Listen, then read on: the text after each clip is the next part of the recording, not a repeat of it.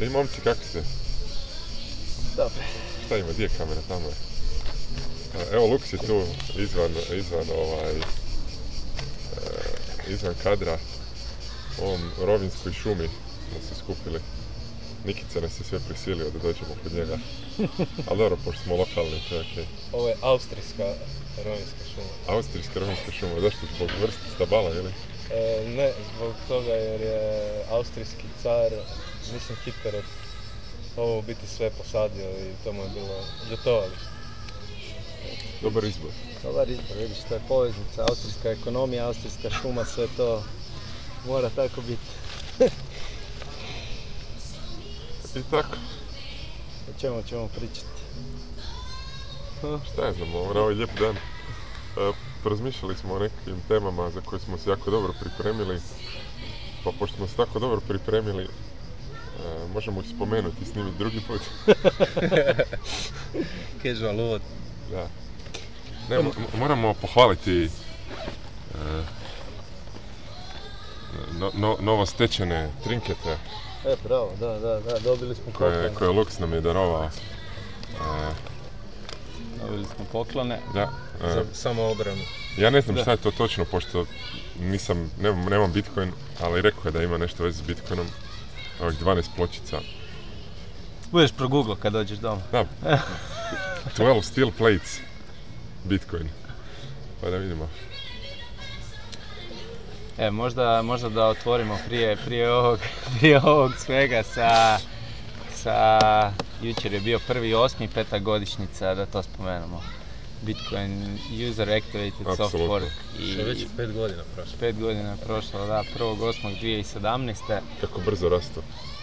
Da, je bila ovoga možda najveća borba do sad u povijesti, u 13-godišnjoj povijesti Bitcoina. I ovoga, to se slavi ko, ko svojevrsni Bitcoin Independence Day. E, Sretan dan nezavisnosti. Da, sretan dan nezavisnosti svim bitcoinašima i svima koji slave. koji obilježavaju. Koji obilježavaju to, da. A, ukratko to se radilo o, za one koji ne znaju, o, pokušaju nekih većih grupa, prije svega minera i nekih većih firmi, da preotmu, preotmu Bitcoin protokol, da se poveća limit da u principu bude puno teže svima zaranat svoj node. E, I sad dajde, ono, pisane su razne knjige o svemu tome i ono, može se ići jako duboko, ali ono, u principu useri su pobjedili i, pokazali da, da su oni pravi vlasnici zapravo Bitcoin protokola, da to nisu ni mineri, ni developeri, e, ni nikakav drugi ektor nego useri i došlo je do tog user activated soft forka gdje su na kraju zapravo ovi veliki entiteti odustali i od cijele borbe i zapravo je samo od svega toga nastao Bitcoin Cash. Od cijele te njihove ideje da, da zapravo preotmu Bitcoin i da, da, da, se napravi nekakav fork na original chainu. Na kraju smo dobili ovoga, taj hard fork Bitcoin Casha koji je praktički otišao u nulu. Tako da to je, to sad slavim. Ali e, zanimljiva stvar je što čini mi se da nije, nije uspjelo zato što su, kažeš, useri pobjedili, ali na kraju krajeva ono, useri, mineri i node runneri biraju koju verziju Bitcoina će, će pokretat. ali nešto što se zove game theory ili teorija je prisilila minere, što ne, mislim, kao. Tako je, da, da, da jer oni mineri koji biraju danas minat Bitcoin Cash ili onaj drugi zloglasni fork BSV Bitcoin Satoshi Vision, Satoshi's Vision to rade za vjerojatno manju profitabilnost nego Bitcoin mineri. A... Ima ih sve skupa 10. 10 minera? Da, da. da. Eto. Barem nemaju puno konkurencije. E, koliko bi koštalo za jedan 51% atak? Par sto znači 10, ovaj uređaja za manje. Da. E to je sad, ja, nisam to baš previše pratio, ali u zadnje vrijeme, cijelo vrijeme, ja mislim, pod 51% tekom, to jest neko, neki period je bio, jel da, taj, pa nikog nije briga. Da, nikog nije briga, da. Mislim da su svi abendali taj projekt, ali da, dobro si rekao, je Game Theory o kojem smo se dogovarali da ćemo danas malo pričati. E, je u Bitcoinu možda najbolje opisati baš kroz te minere koji su zapravo putem toga nekako potaknuti da budu pošteni i da prate protokol rulove jer odnosno pravila jer inače neće biti nagrađeni za ako znači odstupaju od, od, od tih nekih konsenzus pravila neće, neće dobiti reward. Tako da tu imamo i onaj financijski incentivi, to je nešto što ono Bitcoin drži, ajmo reći. No to uvijek što pričamo o incentivima i o ono, nagradama za ispravno ponašanje, one mogu samo funkcionirati ako ono, su ispravno postavljene, a game theory to što to opisuje. Jer, mislim, u konačnici sve naše mikro mikroodluke u životu, ono, ne, znam, su motivirane time. Š koje akcije mogu poduzeti da imam najveći profit i najmanji gubitak, i e, e sad u miningu je to tako postavljeno da su mineri potaknuti da traže što je moguće jeftinije izvore električne energije da bi ono, margina profita bila što veća u Bitcoinu, a istovremeno da poštuju reći, želje ili konsenzus nodova i korisnika u najvećem broju zato što će upravo to proizvesti vrijednost bitcoina kojeg majnaju e, kada bi, ono, kao što si rekao, kada miner odluči promijeniti doslovno kod bitcoina i majnati tu varijantu, taj fork, premda bi mogao proizvesti možda veći broj bitcoina za sebe i veće nagrade, jednostavno game theory blokira da taj fork ima ikakvu vrijednost i onda se gubi uopće poanta takvog mininga. Tako da tu, su ono hrpa nekih faktora koji su jako isprepleteni i međuzavisni i ne možemo govoriti da je to, su mnogi pisci govorili da ne možemo reći da je jedan eh, akter u Bitcoin mreži bitniji od drugog. Eh, mineri nisu najbitniji. Eh, kao što nisu ni useri, kao što nisu ni nodovi. Ne samo da sva tri mogu biti i ono, u Venn diagramu presječeni, znači jedan agent može biti sva, sva tri, sve tri stvari, ali upravo ta međuzavisnost tih aktera i, činjenica da je Bitcoin setapiran tako da su incentivi e, usmjereni u istom smjeru za sva tri tipa aktera ga čini tako, kako bi rekao, otpornim i mm. što duže on traje to je otporniji na bilo kakve ne, je onaj Lindy efekt. Da. Da, i mislim da je tu isto vrlo bitno to što zapravo imaš nekakvu financijsku kaznu ako ga odstupaš od pravila što, što Da, da, jer, jer u principu ti imaš te uređaje za, majnanje, ne? sad koji god miner se koristi, e, troše dosta struje, tako da u principu ako ti ne ne slijediš pravila, e, to će te koštati. Mhm. Tako da mislim da je to vrlo bitno jer imamo razne slučaje onog isto o čem smo pričali. E, spamova na YouTubeu, Twitteru, tih botova mhm. gdje zapravo nemaš nikakav taj financijski zapravo nekakve sankcije, ajmo reći, za to što radiš jednostavno ti je to ovoga, za, za izvodit i u principu čekaš da, te, da, se, da se neko za to zakači, ništa te ne košta da to radiš. U slučaju Bitcoin mininga, ako ne slijediš pravila, to će te koštati, tako da je automatski ono, incentiv je u tome da to ne radiš, da, da zapravo slijediš pravila. Tako da dosta je to sve isprepleteno i dobro složeno. Šta bi ti htio reći.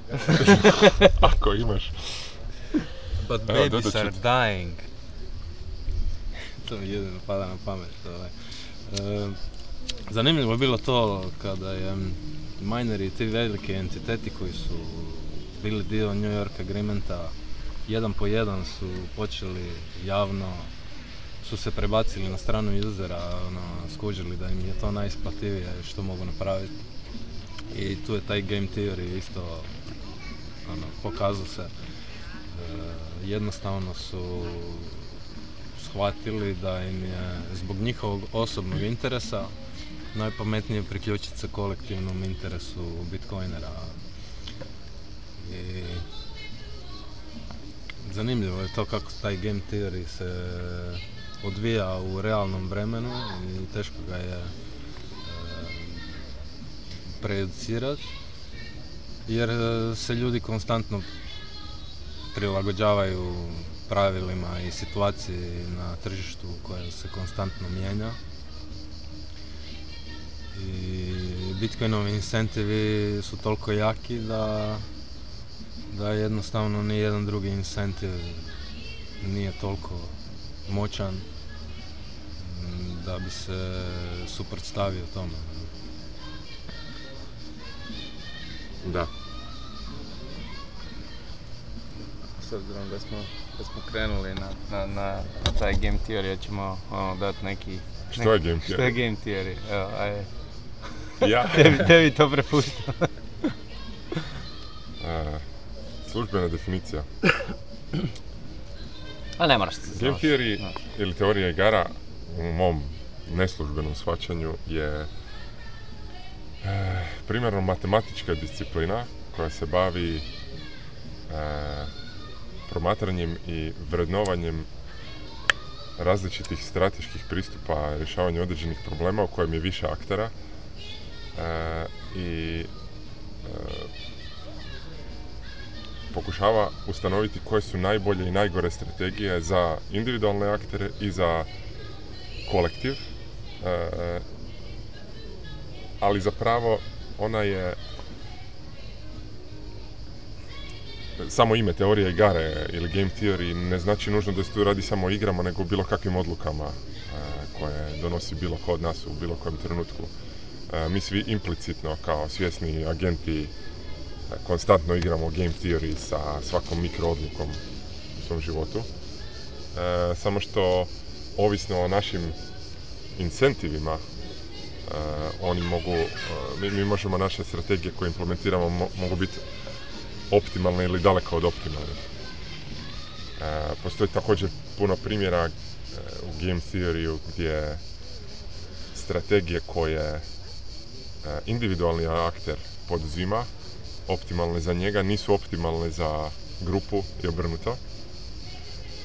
To znači da incentivi nisu usmjereni na isti, na isti ka istom cilju. E, I često je takvi sistemi, takva, takvi setupi nisu stabilni dugoročno, jer se ne mogu ponovljeno, ne mogu ponovljeno producirati e, ispravne efekte za opstanak tog sistema. E, meni najdraži primjer, jedan najstavno jednostavnih primjera game theory problema je prisoner's dilema ili problem zatvorenika koji ide nekako ovako. Sad ću ga probati se sjetiti Znači imamo e, nekakvu, situaciju u kojoj e, je policija ili nekakav autoritet uhvatila dva, e, dva prestupnika nekakvog zakona. I sada, oni su počinili nekakav zločin. Svaki od njih je odveden u različitu sobu gdje nemaju nikakvu komunikaciju jedan s drugim i ti neki inspektori njih ispituju. Oni svakom od njih neovisno ponude sljedeću uh, sljedeću e, sljedeći problem. Kaže, e, mi znamo da ste obojice počinili ovaj zločin, ali nemamo super kvalitetne dokaze. Ako nam ti daš dokaze i impliciraš svog sudionika u zločin, biti ćeš oslobođen, on će dobiti tri godine zatvora. Znači oba zatvornika dobiju neovisno jedan od drugom tu ponudu. Druga ponuda je ako, eh, a ako šutite, obojica, nemamo neke velike eh, dokaze, ali imamo dovoljno da strpamo obojicu po jednu godinu u zatvor. I eh, to je to, ali mislim da sam fulao. Mislim da ćemo morati uh, iznova. Ne, da. E, treća opcija je ako, ako ovaj prizna... Ne, treća opcija je ako obojica priznaju, to treba biti optimalno za, ovo, za grupu. Znači tu bi trebali dobiti onda po godinu dana zatvora. Ali ako obojica šute, onda možda ćemo morati izrezati ovaj klip. Daj, Nikica, nađi nam, nađi nam U principu da, e, policija pokušava ih nagovoriti da cinkaju jedan drugoga. Policija je u interesu dobiti informacije od njih. Njima je u interesu šut. Da. Ali ne znaju šta će ovaj drugi reći. Ali u individualnom interesu je pričati, ali u grupnom interesu je šutiti. Tako je. To je, to je poanta. Samo sam ja sad to krivo ispričao, ali ako nađeš kako... Ne, dobro, dobro, dobro. Pa dilema. Ma dobro, sad, sad ćemo... E, ne, ne, okej, možemo ovo pustiti. Ovaj. Da, ono, znači postoje sljedeća pravila. Znači koji su scenariji, samo to Scenariji su, e, znači, igrač A šuti, igrač B šuti, znači kao suradnja njihova, svaki igrač dobiva po dvije godine zatvora. Dobre. Igrač A šuti, igrač B ne šuti, onda igrač A dobiva 10 godina zatvora, igrač B jednu godinu zatvora. I tako je isto u obrnutom slučaju, ako obojica šute, svaki dobivaju po 5 godina zatvora. Okay, okay, e, znači... I bitno je da oni ne znaju uh, šta će ovaj drugi odlučiti i da... Poanta je da, ako obojica šute, što je optimalno za obojicu, će ukupna kazna biti tih 10 godina. E, ali ako jedan šuti, a drugi izda svog sudruga, e, on će individualno profitirati, ali će kao ukupna kazna biti onda koliko? 12 ili 11 godina, nije važno. Poanta je da ukupna kazna je najmanja ako surađuju, ali individualno je nagrađen onaj koji igra protiv drugih igrača. I e, e, sad ću kroz magiju editinga ispast da, da sam to znao od početka. Ovaj, ali poanta je, mislim, cijela, cijela e, svrha e, ove, sad e, govora je da je teorija igara jedan relevantan faktor u tome kako protokol Bitcoina funkcionira na društvenoj razini, ne na tehničkoj, nego na društvenoj razini. Na tehničkoj je prilično jasno, na tehničkoj on može funkcionirati sa jednim minerom, i sa jednim nodom koji je istovremeno miner i sa bez usera ili sa userom koji je miner. Kao što je ustalom tehnički funkcionirao prvo na, vjerojatno na Satoshijevom laptopu e, neko vrijeme dok, dok se nije proširio kroz mrežu, ali ono što ga čini vrijednim jesu njegovi tehnički temelji, ali u, u, u, ovoj, u ovoj tezi ono što mu daje monetarnu vrijednost kao što bilo šta da je ićemo monetarnu vrijednost društveni konsenzus. E, I Bitcoin ga ima setapirano onako e, game theory e, ono, teoretski na izvrstan način. I to je opet još jedna razlika što uvijek mi kritiziramo fiat novac. Ne nužno zato što je po defaultu fiat loše, premda smo i to argumentirali da je, nego zato što incentivi onoga koji kontrolira novac i onoga koji koristi novac nisu usmjereni ka istome. I zato će, zato postoji onaj kantilon ili kantilion efekt gdje ljudi koji kontroliraju novac mogu asimetrično profitirati, e, a oni koji koriste novac će gubiti vrijednost kroz inflaciju i ostale probleme. A opet, Bitcoin je tu izniman zato što je, su svi akteri na mreži usuglašeni. Čak ni zlato to nema. Čak i u zlatu su majneri ili rudari i korisnici nemaju iste incentive. Zato što korisnik ne želi miner, ne želi da miner proizvodi novo zlato jer mu onda pada vrijednost zlata, korisnik, vlasnik zlata. A miner s druge strane želi majnat novo zlato zato što će opet na neki način imati taj kantilion efekt. On je bliži zlato i, i, on radi inflaciju zlata. Premda ajde, u zlatu postoje zakoni fizike koji sprečavaju da taj efekt ode predaleko i, i e, ono, 1,5 do 2% je inflacija godišnja zlata i to je više manje fiksno i stabilno, to se može prihvatiti. Ali društveni konsenzus oko zlata nije dobro postavljen da.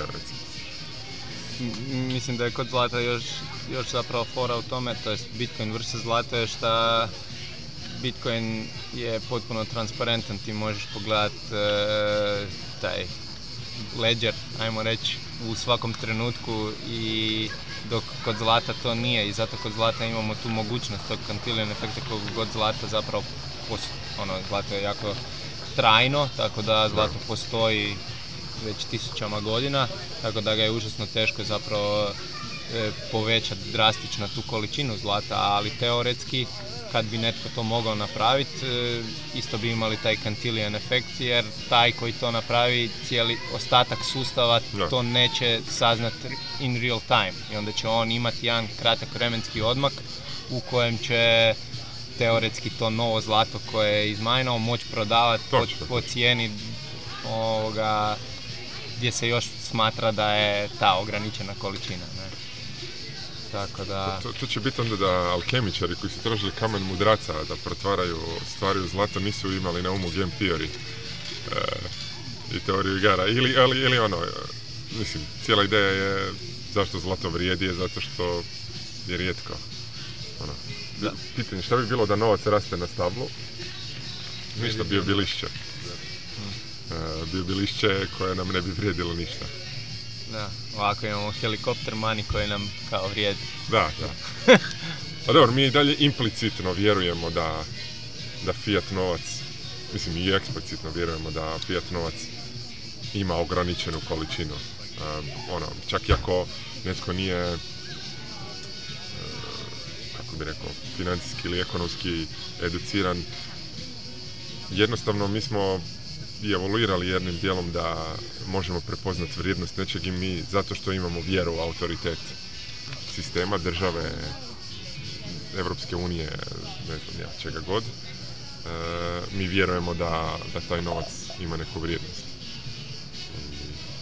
A opet, zato što nam Evropska unija u ovom slučaju sa eurima i sa kunama i Mislim, nije ni važno ko, ko je sad vrhovno tijelo, na neki način garantira da baš ne, ne proizvodi beskonačno tog novaca, premda u zadnjih par godina se i pokazalo da je sve to otišlo u vjetar.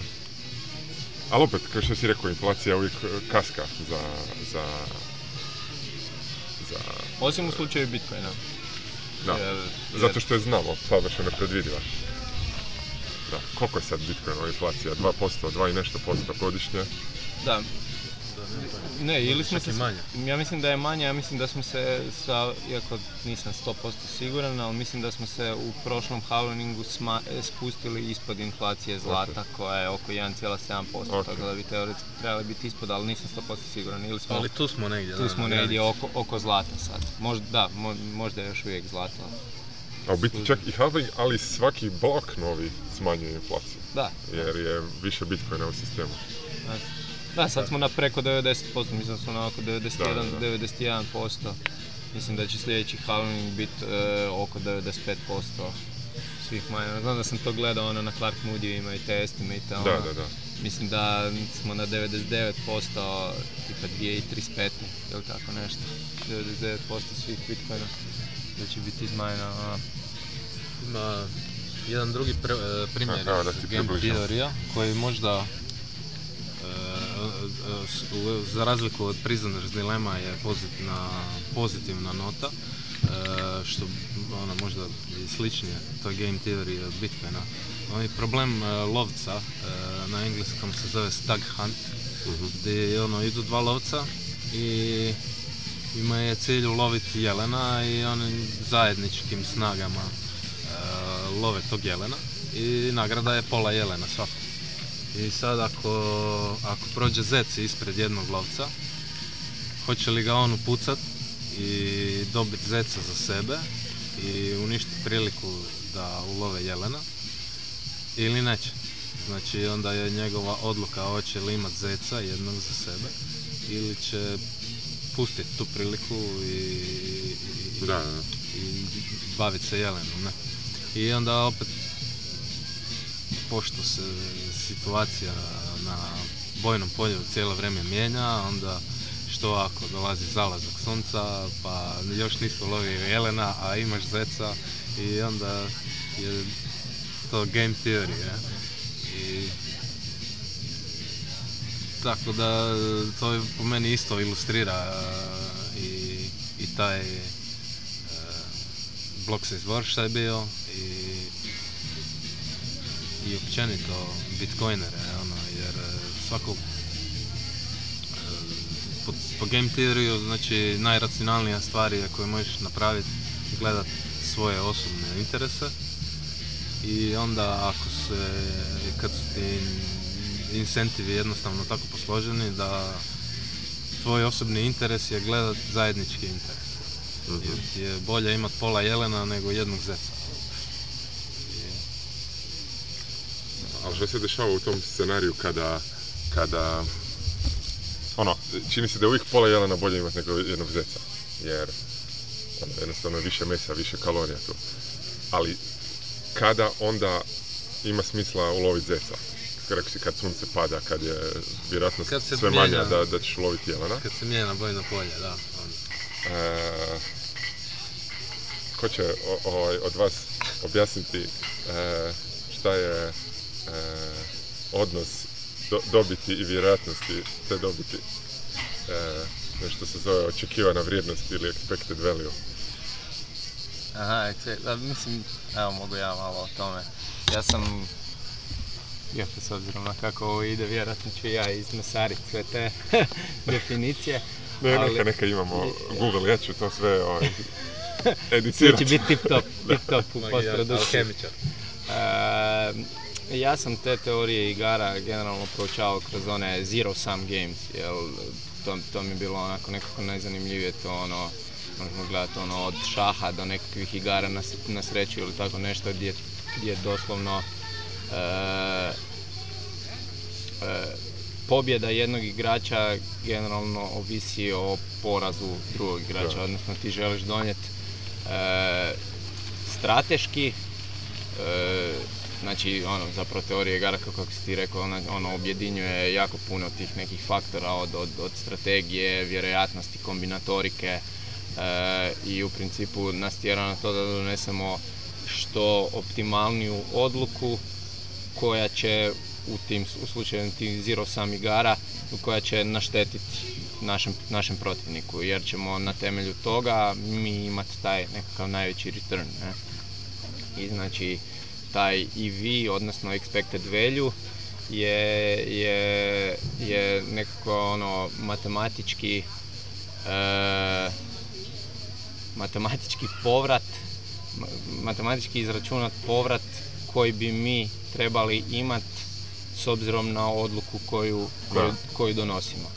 E, I Kao, uzimo obzir potencijalno dobit i rizik, da se to ne dobije. Tako je. Mislim, to je kao e, najbolje, najlakše opisati sa bacanjem novčića.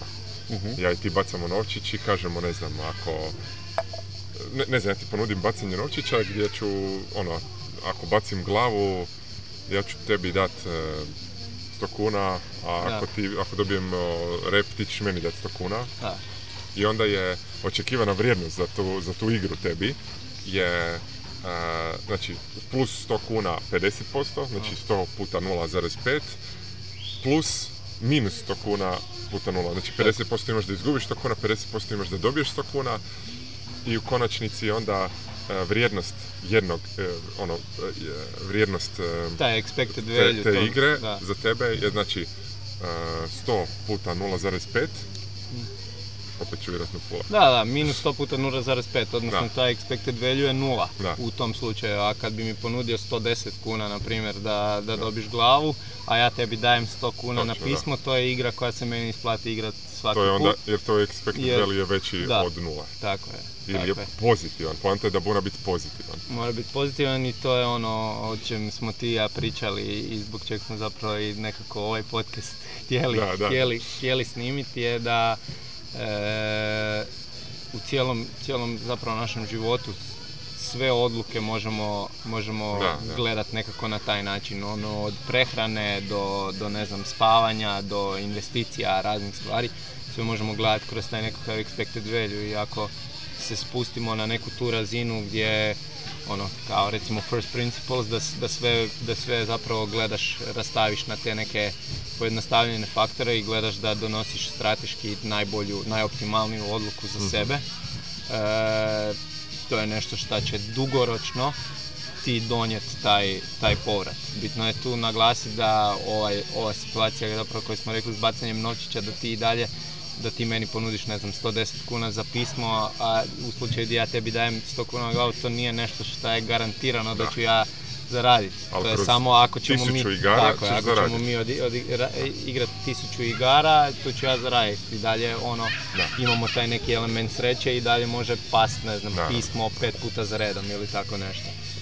I ovoga, da i to je, ja sam generalno nekako ono, to najviše gledao kroz, kroz, kroz neke igre na sreću. E, sad možemo ono, uzeti od, od ono najjednostavnijih ono, kladionice gdje imaš recimo jer bitno je da bitno je m, mm, po meni e, pariti tu vjerojatnost e, nekog događaja nije ovako da. normalno da, da smo mi ono sad teoretizirali i to je tako u teoriji ali ali bitno je ovoga, zapravo to sve upariti sa, sa nekakvim vjerojatnostima i sad ono naj, ne znam, najjednostavniji primjer kad imaš neki sport gdje su ono tipa boks ili UFC ili tenis, tako negdje gdje imaš ono dva ishoda ili će jedan igrač pobijediti ili će drugi igrač pobijediti. Uh, u principu uh, nekako, znači ako imamo zero sam igru, uh, trebao bi biti ishod pobjede jednog igrača plus ishod pobjede drugog igrača bi trebao biti jednak 100%. Sad u slučaju kladionica, na primjer, to je ono mhm. što većina ljudi ne zna, e, to nije tako. Jer e, kladionica je taj neki ono, bookmaker, netko ko, ko, ima edge i oni oduzimaju e, koeficijenti su tako postavljeni, ne znam, ako se kladite u hrvatskim kladionicama ili tako nešto, gdje ono, e, kad imate ta, situaciju dva ishoda, onda je najčešće 1,85 koeficijenti. Sad čak i ako zanemarimo manipulativne troškove i porez mhm. koji na, nameće hrvatska država, tu i dalje ti za, ako pričamo o situaciji gdje je 50-50% vjerojatnost da će netko dobiti, s obzirom da ti koeficijent bi trebao biti dva. Ne, ako, je, ako, je, ako je to zirov sam igra, s obzirom da je 1.85, tu ti generalno se dovodiš u situaciju gdje E, nekakav ishod za koji je realno je da, da je 50-50, odnosno da je podjednak, mhm. podjednaka vjerojatnost ko će dobiti. Tebi kladionica stavlja takve, takve koeficijente gdje ti zapravo taj ishod moraš pogađati više od 60% puta, što znači da je to minus i vi situacija, da, da, da. u principu... Mislim, i dalje je zero sam, jer kladionica dobiva više nego ti, tako da suma je ukupno nula, ali za tebe kao igrača je negativan i vi. Da, ali nije ti zapravo suma nula, zato što je, e, on ti uzima, to ti je... Pa da, ali za kladionicu je plus. Za tebe je minus, znači suma je nula, U toliko je, mislim, zero sam, samo što je e, tilted.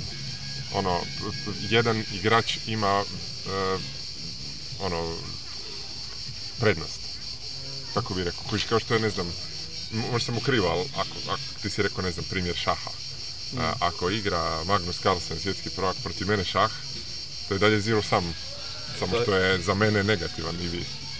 To... to, to, sam mislio.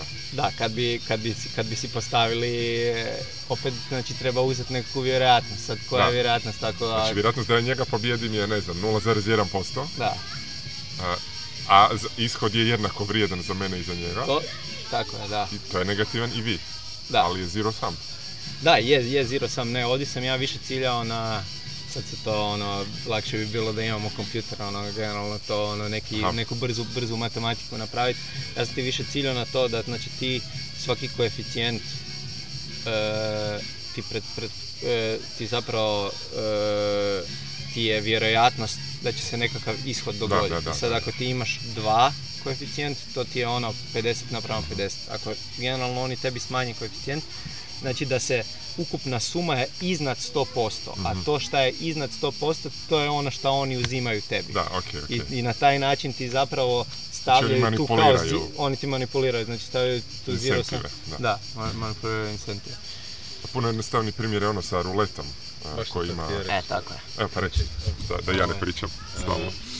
Biznis model e, kazina se temelji upravo na tome, na teoriji vjerojatnosti, na expected value, jer e, na primjer što si spomenuo ruleti ili bilo koja stvar u kazinu, oni znaju jednostavno da na temelju dovoljnog broja odigranih e, partija, mečeva, vrčenja, šta god, ne mogu biti u minusu.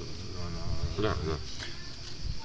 Da, tu e, nula, e, imaš, nula igra ulogu, jel? Imaš 37 Tako je, da, dojeva. imaš 36, 37 praktički da. sa nulom e, mogućih ishoda. Ali I ta jedna nula je koja je vjerojatnost da će se desiti, da će past na nulu 0,5% otprilike.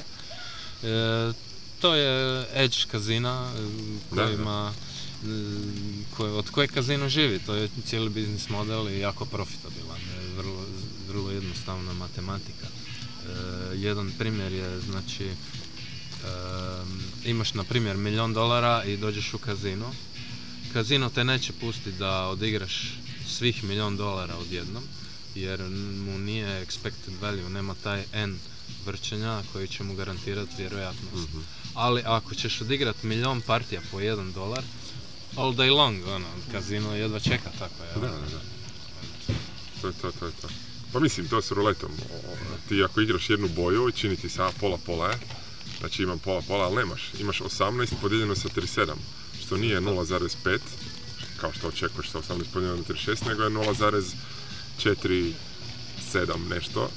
I to je dovoljno da kroz dovoljan broj igara ti izgubiš ti, ti dobiješ 47% vremena, a kazino 53% vremena, sad možda sam ja full postotak, ali da taman si malo ispod 50%, oni su malo iznad 50% i kroz dovoljno odigranih e, igara e, si ti u, gubitku. Da. oni se tjeraju zapravo da, radiš taj kao e, negative expected, da, uzimaš negative expected da.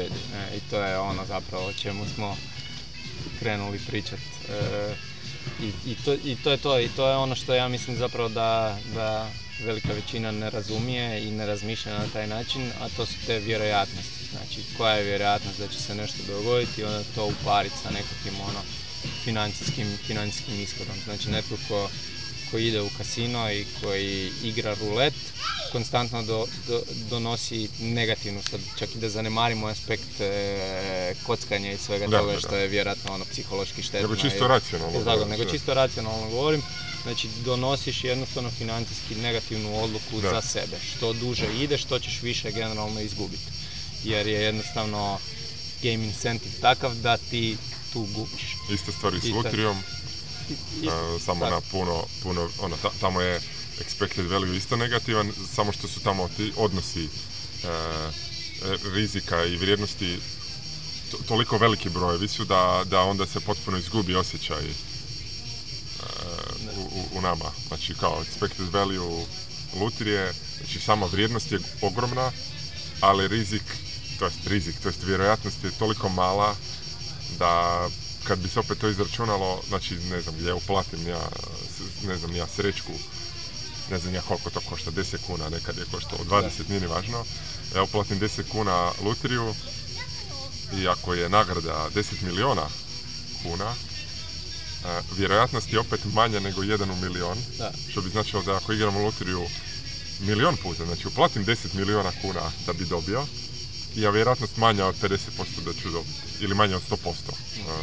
Tako da u konačnici sve te igre na sreću, gdje postoji nekakav drugi akter, su tapirane na taj način. Na kraju krajeva kako bi kazino mogao profitirati ili lutrija biti profitabilno da to nije tako. To je definicija kockanja, znači kada ideš u nekakav rizik sa očekivanom negativnom vrijednosti. Kad su vjerojatno... To ti spominjao, u petak. Mislim da sam bio u grupi čak jednom tu definiciju kockanja. I to je to, odnosno to je razlika između kockanja i investiranja. Investiranje je e, očekivana vrijednost i kroz investiranje su nije više zero sam game ono, jer jer e, sam taj čin investiranja producira novu vrijednost i onda se sveukupna vrijednost povećava možda to sad druga tema, e, ali... Ne, ne, dobro je, dobro e, Vrlo bitna razlika je, jer e, kroz, rekli ste sami, kroz život, kroz sve odluke koje donosimo, treba više razmišljati ko kazino nego ko kockar. Ono, I postaviti se na taj način da ti je expected value pozitivan. I onda kroz dugoročno, što ti opet smanjuje time preference, E, imaš pozitivno očekivanu vrijednost, ali nemaš garantiranu. I to je cijela neka poanta ono, i, sa Bitcoinom, i sa stakenjem, i dolar cost averageom, i e, znaš da su vjerojatnosti dugoročno na tvojoj strani i to te ne čini kockarom, nego... Ulagačem. Više investitorom, iako Bitcoin nije investiranje, ali to je taj princip gdje imaš očekivano da očekuješ i brojke će ti same pokazati i možeš se uvjeriti na sto načina da, da je to pozitivna stvar tebe dugoročno. A kažeš da nije investiranje, nego šta kao štednja je? Da, novac se štedi, na investira. Da. E, ja bih rekao da je štednja investiranje u budućnost. U sebe, da. Mogu, e, okej. Okay. Znači, zato što vjerujem da će moj novac sutra vrijediti jednako ili više.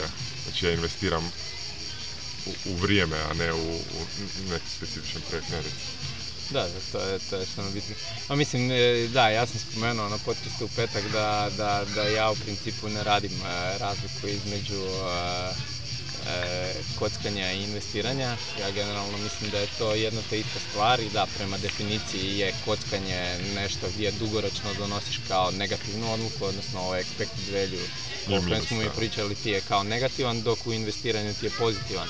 Ali to je generalno samo investi... to je generalno samo definicija. E, ljudi e, bi to, je ajmo reći nekako postavljeno kao da bi se zaštitio prosječan ulagač, odnosno imaš nekakve, nekakve oblike investicija koje su ti generalno kao sigurnije, pa na njima imaš kao očekivani pozitivni return, dok je kocka nešto što je užasno rizično, pa imaš očekivani negativni return. Međutim, e, ne možemo zanemariti e, ono o čem sam ja pričao i vjerojatnost toga. Znači na kocki se isto može zaraditi ako ti uđeš generalno u taj game theory, pogotovo igraš nekakve zero sam igre gdje misliš da si bolji od svog protivnika, to je meni nekako najbolji primjer pokera, mhm. ajmo reći gdje igraš direktno protiv protivnika, koliko god kuća uzima nekakav postotak za sebe, to je i dalje zanemariv postotak jer ti ipak igraš protiv nekog svog protivnika i ako si ti bolji od protivnika i mhm. dugoročno igrate tu igru, ti ćeš generalno na tome zaraditi. I e, meni je glupo da se investicije stavljaju u taj koš nečega što je sigurno, jer to nije tako. To, nije ono tako kao, ajmo reći, e, 100%. Da, ništa nema, niti jedan i vi nema vjerojatnost jedan. Da. Jer e, to, je onda besmisla. Mislim, nema tu smisla govoriti. E, ja, ja, sam zapravo samo htio reći da nema povrata bez rizika. Znači, u svakoj situaciji gdje ti očekuješ nekakav povrat, mora biti nekakav element rizika. I, i ključno je zapravo da svaki individualni investitor, kockar, što god, shvati e, koji je rizik tu involviran i na temelju toga posloži svoju investicijsku ili kockarsku strategiju na taj način da ima pozitivan, pozitivan povrat. E, I ovoga, i tu recimo ono, možemo sad ući lagano ono, u taj Bitcoin. Generalno što, što većina ljudi smatra vrlo rizičnom investicijom. To je vjerojatno opravdano, ono, mi generalno koji smo duže u tome i koji smo ono, ušli u taj nek, upali u taj neki rebit hole proučili neke stvari, mi generalno se slažemo sa tim da je e, potencijalni povrat puno veći od potencijalnog rizika. Kao i vjerojatnost da je veća. Tako znači, je. Naša vi kalkulacija je izmijenjena od onog koji ne zna ništa. Tako je, tako je. E, ali tu treba biti svjestan opet e, nekakvog rizika i to je ono zapravo što je meni generalno dosta teško verbalizirati, ali se sastoji od toga da većina ljudi jako loše razmišlja o vjerojatnostima. E, ti ćeš prirodno reći da je mm, nešto bolja investicija ako si bliži nekom 50-50 omjeru.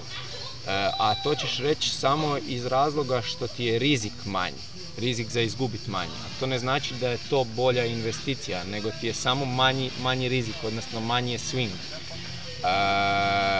jer nešto što ima jako veliki potencijalni povrat može jednako tako biti jako dobra investicija ako, ako znamo balansirati ono nekakav taj risk management.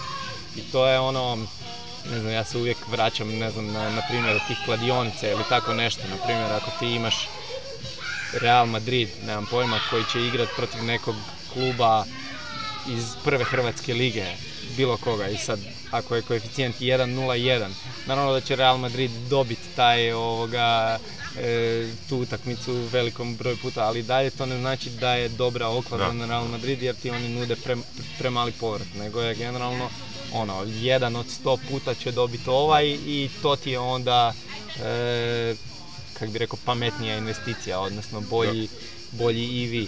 I na taj način ja gledam Bitcoin. E, mi u principu imamo situaciju gdje Bitcoin će ili otići u nulu, ili će otići u beskonačnost. Ova majica koju ti imaš je beskonačno podijeljena na 21 milijun od ono, mim od Knut Svanholma. E, to je, to je točno to. Nerealno je za očekivati da će Bitcoin ostati na, na, ovim, na, na ovim cijenama. E, halvening i cijeli taj cijeli ti incentivi neki o kojima smo mi pričali prije e, zapravo e, tjeraju, ajmo reći, nekako cijenu gore. Znači, samo ako se nešto drastično dogodi na protokol levelu, da Bitcoin prestane funkcionirati, će to, kak se zove, će to trenut prema nuli. U svim ostalim situacijama će trenut prema gore. I ovoga... Mm, i to je po meni, e, ne znam jesi sjećate, ono bila je prije godinu dana ili tako nešto onaj e, mim na Twitter, ono get off zero. Znači mhm. ono nije bitno da ti moraš biti to na 100%, u Bitcoinu, ali da imaš 0% alokacije Bitcoinu u, današnje, u današnjem vremenu je suludo. Zato to nije racionalno. Nije, nije racionalno, tako je. Mim Jeff Buta. Ha? Jeff But je taj taj mim, da, mislim. Da. O, spomenuli smo kako je ta razlika između investiranja i kockanja i onda se investiranje prodaje ljudima kao sigurna investicija pod navodnicima. I onda to više nije sigurna jer rekao si da mora biti element rizika i neizvjesnosti. I jednom kada, na primjer, ti low cost fundovi kao fall disperziraš rizik, odnosno eliminiraš rizik nekim jednostavnim, sigurnim, ajmo reći, ulaganjem ne možeš eliminirati rizik, nego samo ga akumuliraš i, i onda izbije na neku drugu stranu. I to više nije investiranje, to je opet jedan oblik kockanja jer si statistički opet u, u nepovoljnom položaju. I ono što mi se sviđa kod Bitcoina je da taj osobni rizik eh, je ok, uvijek se može desiti neki, neki protokolarni bug ili nešto. Recimo da, da nije vjerojatnost nula toga. Ali uglavnom sav rizik je na useru i user svojim znanjem i, i učenjem može minimizirati taj rizik jer u principu sav rizik je na greškama usera, na, na njegovom podložnosti nekakvom iskorištavanju i hakiranju i... I boating accident. I boating accident e, koji je vrlo realan rizik, ono, to bitcoiner i ja ne kužim, ono, to, Ovdje na slabi, slabi su to ribari, ovaj. um, to je to, to je ono, znači, E, to je ono što bitcoineri ne čini kockarima, jer, e, ma, jer upravljaju rizikom osudnim I možeš ga minimizirati u nedogled i, opet moraš biti dovoljno e, racionalan da si ne, svojim pokušajima minimiziraš rizika, natovariš druge rizike. Ono svi znamo da je multi, na primjer, e, svi znamo da je multisig e, puno sigurniji od single siga, ali ako user, user si može svojim neracionalnim ponašanjem zakomplicirati i dovesti, ono, e, ući u neke druge rizike, samim time, ono, ako si zakomplicira previše cijelu priču. Mm. Tako da, ono, to je opet e, na svakom useru da nađe neke svoje rješenje i ravnotežu u svemu tome. Da, to je opet onda rizik korisnika, a ne, ne rizik svakog usera, a ne rizik samog Bitcoina. Tako je, Ali je opet rizik, ono. Da, da, jasno, jasno. Da. Mislim, meni je, za, Bitcoin isto zanimljiva ona bila priča, znate kak je ono, e, tradicionalni neki investicijski portfelj koji su ono, američki... 60-40? Da, 60-40 koji su popularizirali, znači ono, sad naravno to se mijenjalo s godinama, ono, ovisi, ovisi o, koliko svaki individualni investitor ima godina, ne, neka ćeš, ono, ako si mlađi ćeš uzimati više rizika, ako si stariji ćeš uzimati manje rizika, ali ovoga, u principu je taj bio neki 60-40 omjer između dionica i obveznica. Uh, I onda mi je bilo jako zanimljiva situacija gdje smo imali, ne znam sad kad sam ja to vidio, 19.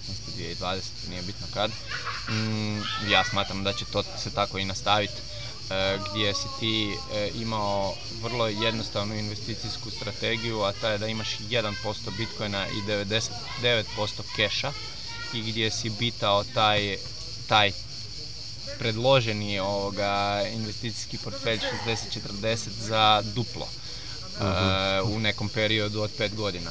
I onda se postavlja pitanje što je veći rizik. Da li je veći rizik imati 1% Bitcoina i 99% keša ili je veći rizik imati e, tradicionalni portfelj 60% e, obveznica i 40% dionica. Jer e, sad mnogi će reći ono, ako im ne postaviš to tako da naravno da je ovaj tradicionalni... to su e, bumeri. To su bumeri, tako je, da. Ali ono, mislim, ako uzmemo ono da keš mislim, ok, keš devaluira e, i to, ali keš je relativno stabilan, ne, a dok ti cijeli upside ovog, jednostavno skroz, se mijenja skroz se paradigma, znači jednostavno trebaš puno manje novaca uložiti da bi imao generalno isti povrat, dok ovih 99% keša te čini relativno sigurnije. To su neke stvari, ono, ne znam, nekretnine e, kod nas gdje većina zapravo ljudi u Hrvatskoj ne investira na taj način. Ovo je primjer ono kako Amerikanci manje više i u svoj 401k ulažu i te stvari. E, kod nas se većinom ulaže u nekretnine i nekretnine se smatraju ovoga, ono...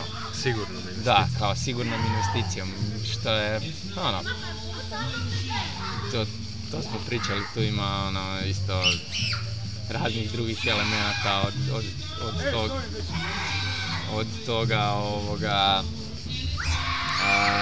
da, populacija ne znam, u Europi i zapravo diljem svijeta drastično stari, da će biti ono, ono, ono manje ljudi. Baš to sam htio pitati. Kako objasnim? znači 99% razgovora sa prijateljima, poznanicima, nekretnine, nekretnine, nekretnine. I kako objasniti normalnom hrvatskom čovjeku, pogotovo iz Istre, da je Bitcoin bolja investicija od nekretnine? To je direktno pitanje. Da. Izazov.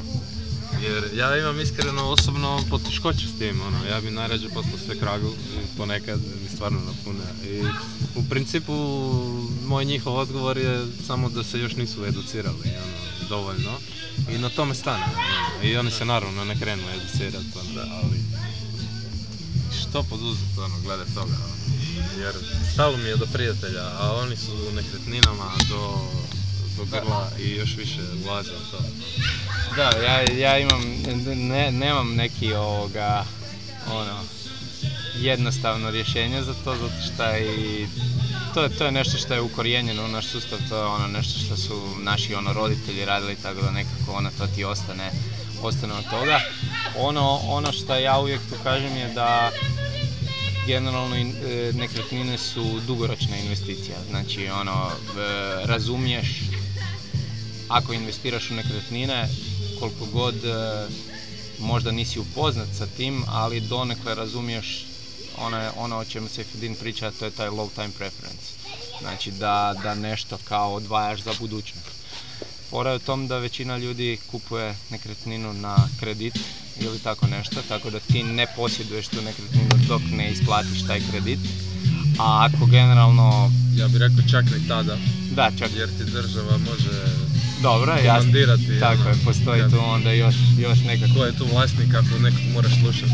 Da, da, imamo primjere ono nacionalizacije koja se događala ono u 60. godinama u Hrvatskoj gdje su ljudima koji su imali ono više nekretnina su se nekretnine oduzimale i zapravo se dobio povlaštene podstanare, tako da to definitivno drži vodu i to nije ono rizik koji bi se trebao zanemariti, a većina ljudi ga u potpunosti zanemare. Ali ajde, ako ga sad za ovu neku temu donekle zanemarimo, E, ti u principu ne posjeduješ nekretninu dok ju ne, dok ne isplatiš. E, ako ju generalno kupiš za nekakav cash koji imaš, onda ti se ajmo reći, posjeduješ ju odmah. E, to su rijetki i generalno ono, imućni ljudi koji to mogu napraviti. Ali onda oni koriste nekretninu za ono što je zapravo Fiat sustav napravio a to je nekretnina je kroz povijest imala ono dva glavne use case ili ono housing, znači ili si živio tamo, ili neke komercijalne e, prirode. Sad je dodan taj treći element, a to je investicijski, da ćeš ti to kupiti i rentat nekom. E, generalno, e, to su nekakvi ono rokovi isplativosti na ono 10-15 plus godina gdje se zanemaraju apsolutno svi rizici. Evo, jedan o kojima niko nije pričao do sada, sad je ono vrlo popularan je ta korona koja nam se dogodila, e, koja, koja nam se dogodila, koja je u potpunosti uništila recimo turističku sezonu prošle godine ili tako nešto. E, to skroz promijeni zapravo cijelu, cijelu, cijelu tu investiciju koju si ti napravio. E, jer generalno si izgubio jednu godinu dok si ti morao plaćati kamate na tako nešto ili to. A, a još, jedan, e, još jedna stvar o kojoj niko ne razmišlja su cijene prilikom koje kupuje.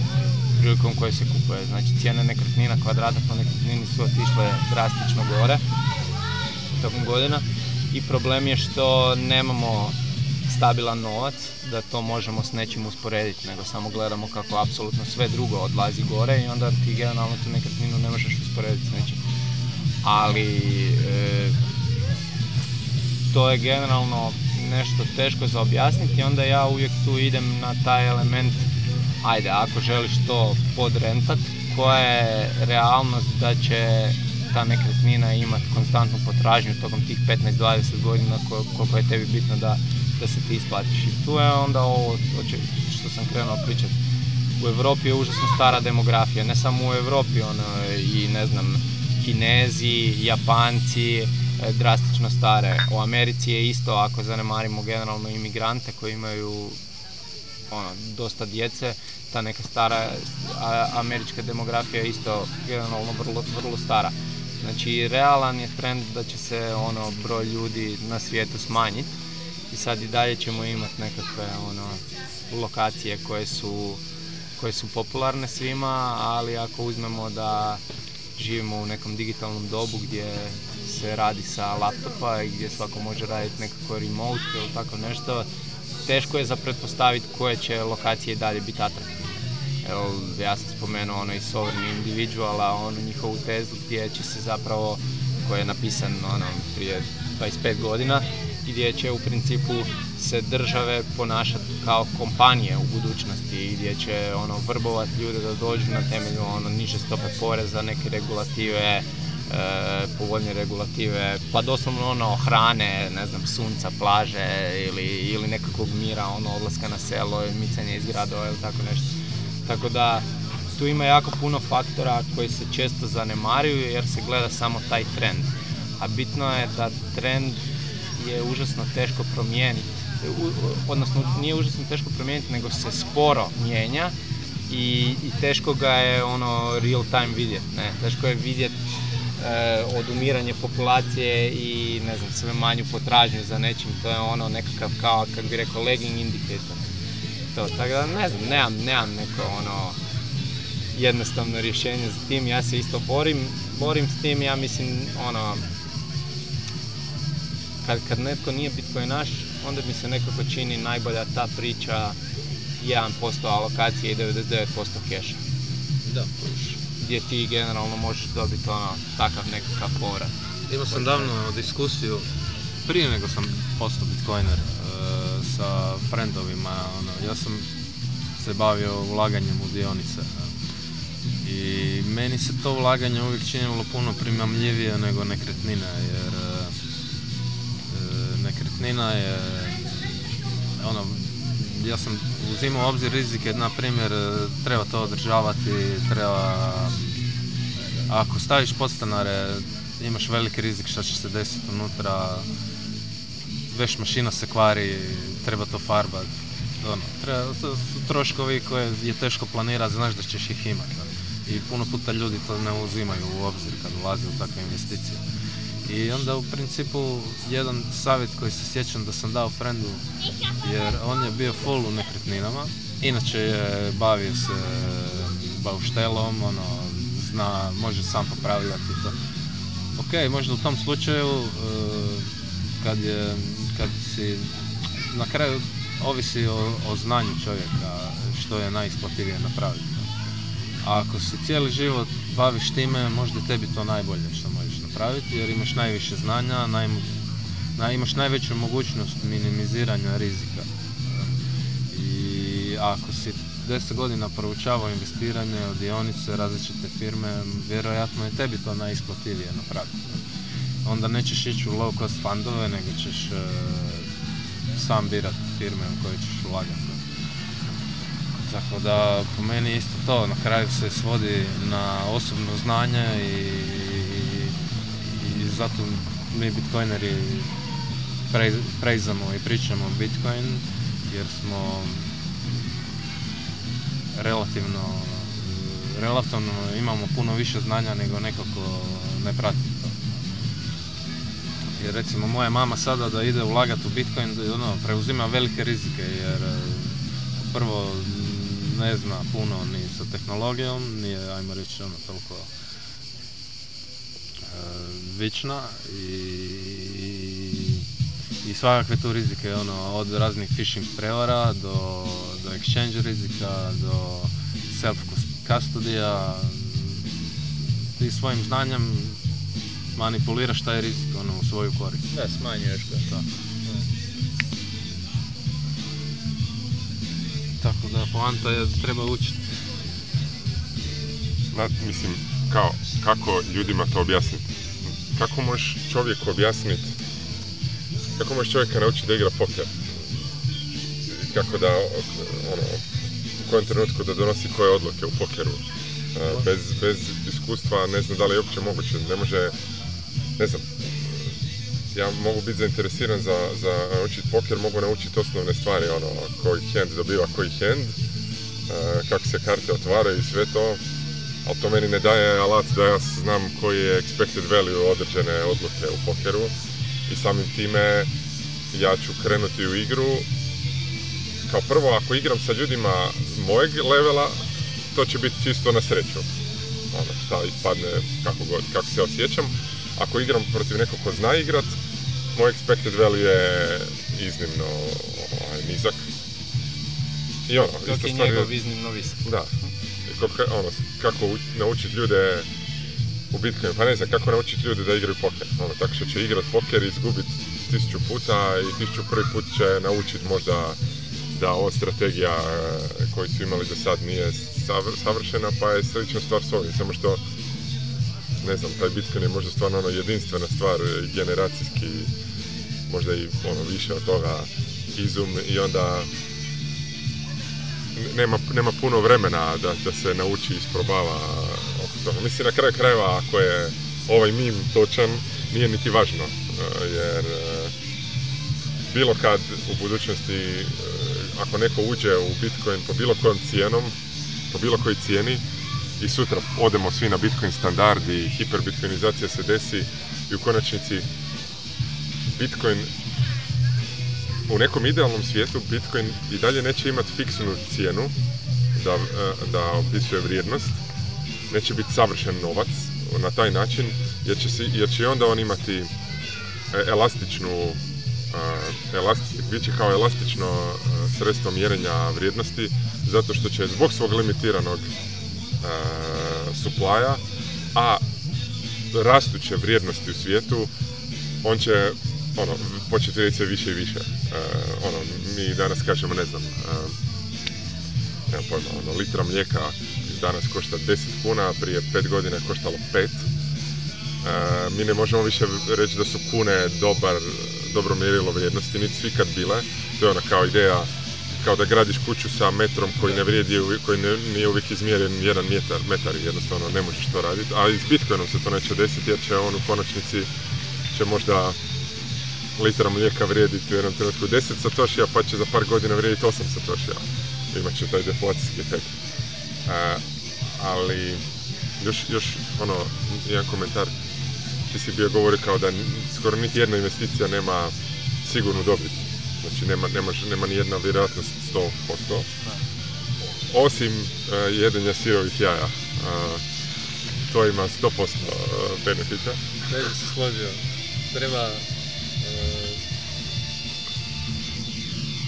Ovaj, imaš e, rizik e, kroz, e, ako jedeš bjelanjak sirovi, proizvodi se neka kemikalija u tijelu koja je negativna za tijelo. Ne, pri, Tako da bjelanjak treba barem malo termički obraditi, a žumanjak možeš onako na tekući. Ne, ne ti I, je jedan. Poslije ću ti video I još jedna stvar, zašto je EV, Expected Value, jako bitan koncept i bilo bi dobro da ga svi usvojimo i u Bitcoinu i ne, barem koliko je moguće, zato što e, Expected Value je savršeno racionalna odlučivanje, znači nekakav... To je Pavao bio spominjao, Pavao e, je bio spominjao kako e, u svom govoru kako je potrebno ići na Bitcoin standardi, kako je potrebno ne imati dugove u fiat svijetu premda je racionalno i po expected value vjerojatno ima smisla se zaduživati u Fiatu ono što Michael Saylor govori. Mhm.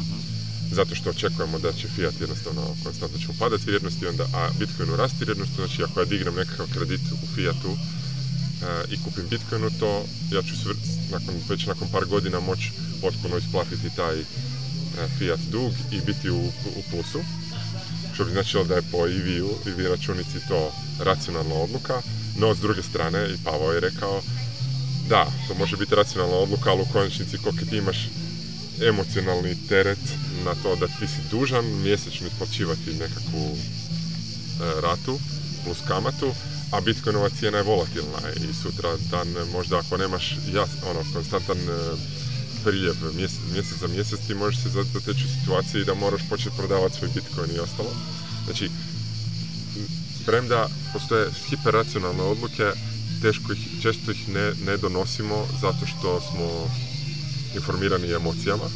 I to je, ali ja bih čak rekao, i to je, to bi trebalo uzeti u obzir eh, u kalkulaciju i a zato što vrijednost neke odluke nije isključivo monetirna, valja uzeti i težinu svojih emocija.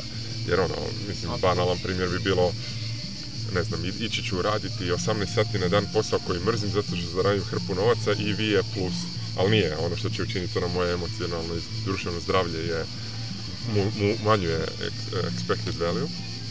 Ali, bitno je znati to jer mi smo svi informirani svojim evolucijom na negativity bias i mi ćemo svi e,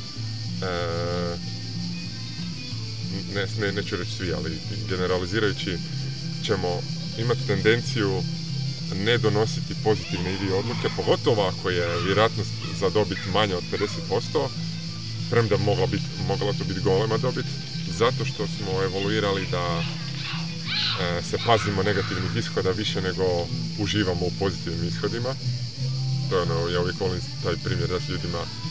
Mi smo potomci ljudi koji su bili hiperoprezni, zato smo živi, jer potom naš predak koji je u visokoj travi u Afričkoj, na Afričkoj savani vidio da se ta trava miče i pomislio da je to e, lav, mm. je preživio, čak i ako to nije bio lav. Znači paranoja je pomagla u preživljavanju. Onaj koji je rekao, ma ne, to je samo vjetar, a to je bio lav, da je bio hrabar i odvažan i nije paranoičan bio, ali je poginuo kad je bio lav i nije imao djecu. I mi smo jednostavno kroz tisuću generacija E, svojih predaka evoluirali da budemo oprezni i da se više pazimo negativnih ishoda nego što vrednujemo recimo simetrične pozitivne ishode. I to, ima smisla evolucijski kada je u pitanju lav, bolest, hrana, ali mi opet živimo u svijetu koji je puno sigurniji od toga, a opet nam ti evolucijski impulsi ne daju da racionalno odlučujemo i zato je expected value kroz te igre na sreću, kroz poker, kroz e, bilo kakve, bilo kakve te, on na kraju krajeva kao game, game theory, dobar po meni skillset ili barem teorijsko znanje koje čovjek može usvojiti kada treba donositi nekakve odluke koje se tiču novca, ali bilo čega drugog u životu. Na kraju krajeva ono, trebam li baš pojesti, ono, ne znam, ja preddiabetičan sam, imam 200 e, kila, trebam li baš pojesti sad ovo i komad torte, ono, expected value bi rekao da ne. Premda moje emocije govore da da. E, tako da, to, to, je moguće primijeniti ne samo na ulaganje, ne samo na novac, nego na, ja bih rekao, na... na sve aspekte života. Sve aspekte života, ono, bilo koje odluke koje donosiš, ono, ne znam, hoćeš li eh, ostati s tom curom ili ne, hoćeš li se preseliti u drugi grad ili ne, hoćeš li ići na taj faks ili ne, promijeniti posao ili ne. Uzmite u obzir koliko god je moguće expected value. Na kraju krajeva za puno tih odluka u životu nije baš moguće jako dobro definirati vjerojatnosti ili ne, ali ono. Po meni je dovoljno samo razmišljati da, o tome, ono. biti svjesni. I vratimo se opet na first principles, ono, krenuti baš iz tih principa. Pa to što si spomenuo, apsolutno se slažem. Znači, mi smo, imamo taj instinkt fight or flight, gdje je znanstveno dokazano do nekle koji su sve procesi gdje dešavaju u tijelu. I kad, na primjer, nas napadne lav tigar, imamo lučenje kortizola, stres levels e, odjednom cijeli metabolizam se podredi tome, druge funkcije staju. I to je vrlo korisno u tom trenutku, Ja ajmo reći i za zdravlje je dobro kada su takvi stresovi kratkoročni i kada smo dugoročno bez takvih stresova. Ali opet tu i tamo da se dese nekakvi stresovi, dok god su kratkoročni, oni su pozitivni za nas.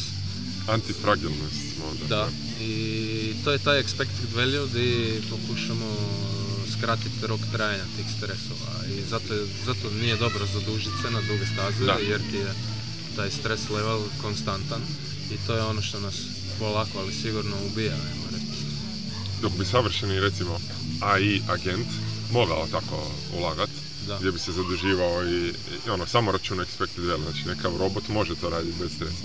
Pa zato imamo one situacije e, u šahu, ne znam, bilo je ra različitih primjera, ona Go, ne znam, je, znate ono da, Go, ono, to je bilo onaj, dokumentarac gdje su napravili ono savršenog robota koji je pobjedio ono najbolji igrač na svijetu. To je upravo to, je uvijek donosi ispravnu odluku u svakom trenutku bez da, da ga ono psiha ili tako nešto e, pomuti ono prilikom donošenja odluka. Ali e, Mm, da, baš samo, mm, mm, primjer je isto to što kažeš psiha. E, ja sam recimo dosta pratio šah i pratim šah i onda znam koliki je e, ono, čini se šah je savršena igra, e, kako bih rekao, savršeno otvorena, otvorenog tipa, nema skrivenih informacija. I sad, logika bi nalagala da najbolji igrač šaha na svijetu neće nikad izgubiti. No mhm. tako, jer je uvijek savršena, sve informacije su mu dostupne. A opet, svjetski prvak u šahu gubi od ljudi koji su deset, deseti po rejtingu, bez ikakvog faktora sreće. Jer u svakom drugom, ne u svakom drugom, u većini drugih igara se može reći da ima faktora sreće, U šahu nema, ali opet psiha je bitan faktor i to je to. Ne znam, da, počeo, pa sam samo htio interjectat s tim. Ne, ja, ja, ja, sam, ja sam samo malo još se htio prebaciti na, na, na Bitcoin i ono što je Lux rekao i to je zapravo ono možda ključno u svemu ovo je, u ovom, u našoj diskusiji je što Bitcoin ne treba gledati kao investiciju. E, znači Bitcoin ako gledaš kroz prizmu štednje, onda ti je zapravo jedin cilj očuvati taj nekakav purchasing power. Znači ono mi generalno svi radimo i mijenjamo svoje vrijeme za svoj rad da bi od toga nešto uprihodili i da bi na temelju toga mogli na neki način živjeti i ono što nam naš trenutni fiat sustav radi je onemogućuje nam to. Znači onemogućuje nam štednju u Fiatu i zato se danas svi moraju igrati investitora i ulažu u e, nekretnine ili obveznice kao najniži oblik rizika skroz zanemarajući taj expected value, expected return i u potpunosti zanemarajući rizik. Bitcoin nas vraća u to da mi možemo štediti, da ne moramo investirati.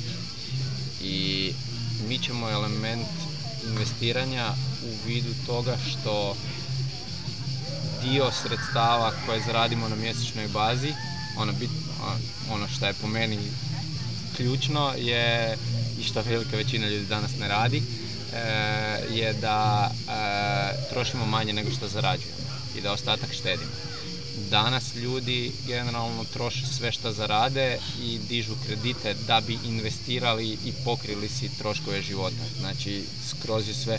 I zato su te teme nekretnina užasno kompleksne, jer, jer ne možeš zapravo, ne možeš znat, svako ima nekako to drugčije posloženo. Neko kupuje nekretninu za investiciju, neko kupuje nekretninu samo da mu ono generalno stoji ili tako nešto. I onda nas Bitcoin zapravo e, nam omogućuje da e, se ne moramo over da znači možemo štediti bilo to ono 10, 100 kuna, 200 kuna, 1000 kuna, koliko god ko može e, uštedjeti od svojih primanja i staviti u Bitcoin.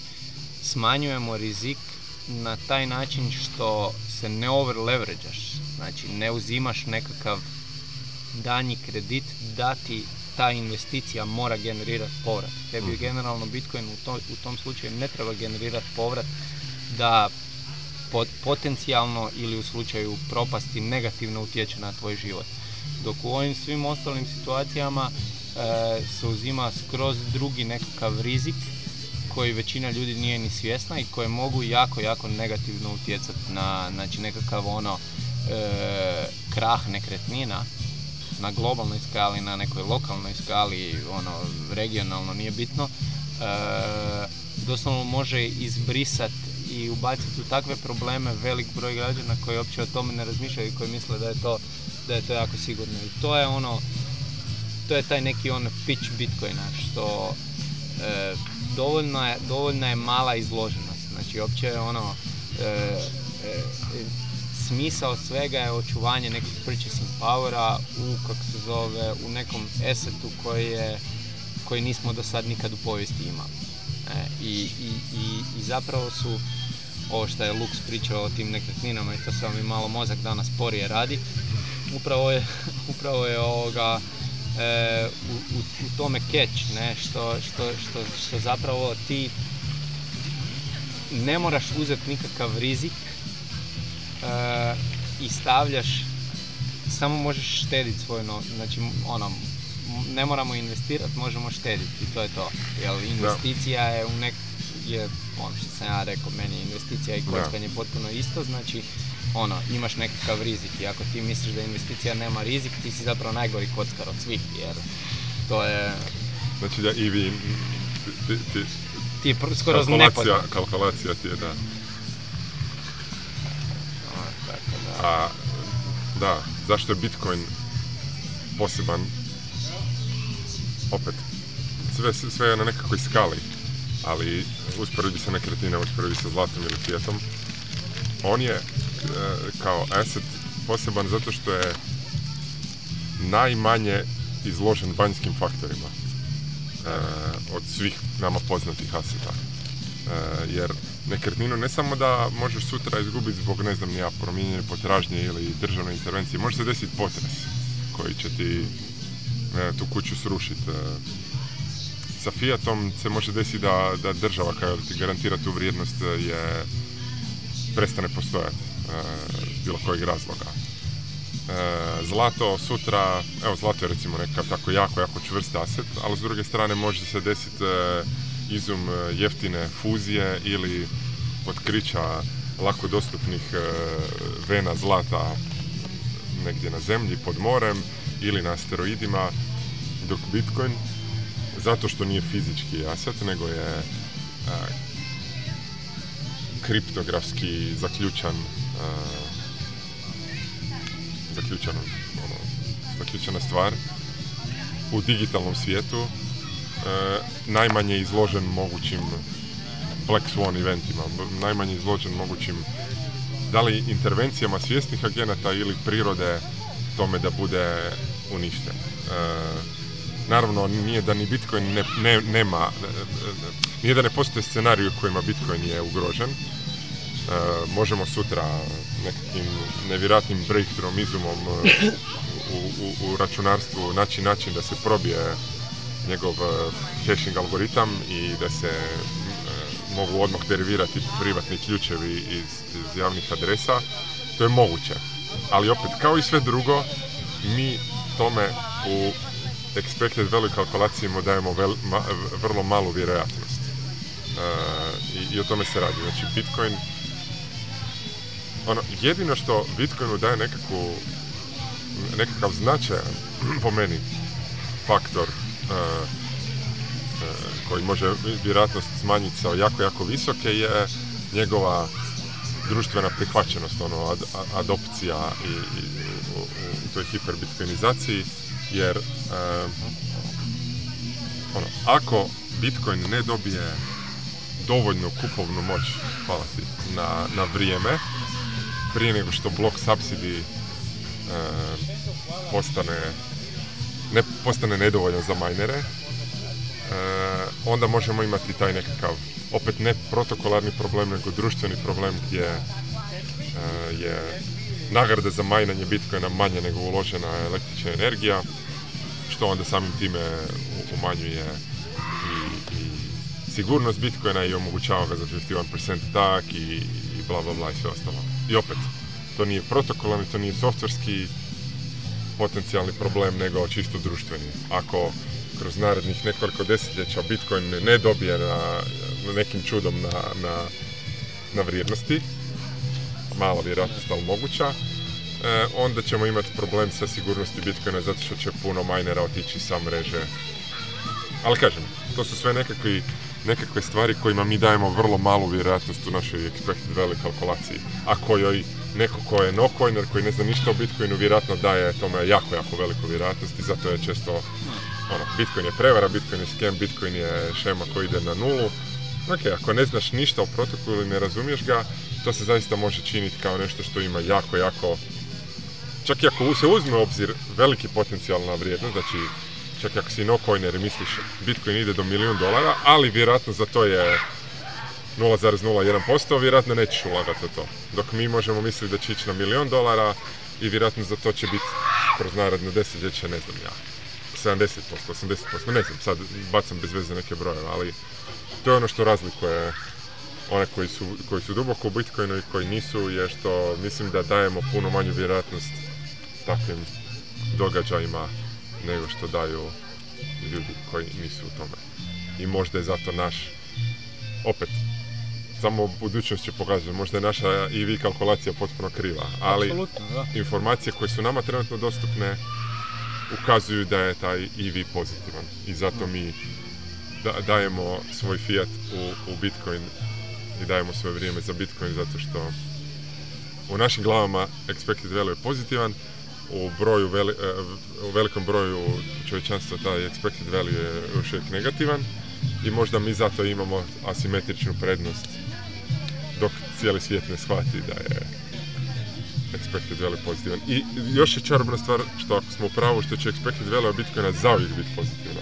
Ona će zauvijek biti pozitivna za sve ljude na svijetu. Ehm, eto, tako malo. Dobro. Živjeli. Ehm, sad si spomenuo kako u smislu ako ne bude više profitabilno majnat Bitcoin zbog cijene električne energije. Slušao sam baš Jeff Buta jučer. Ili Slušao sam baš Jeff Buta jučer, imao je odličan podcast gdje u principu govorio, mi smo sad u procesu e, kako da se izrazim e, u procesu promjene gdje se e, polako, ali sigurno električna energija će biti izražena u Bitcoinu. I to je jedan proces koji se u biti već krenuo dešavati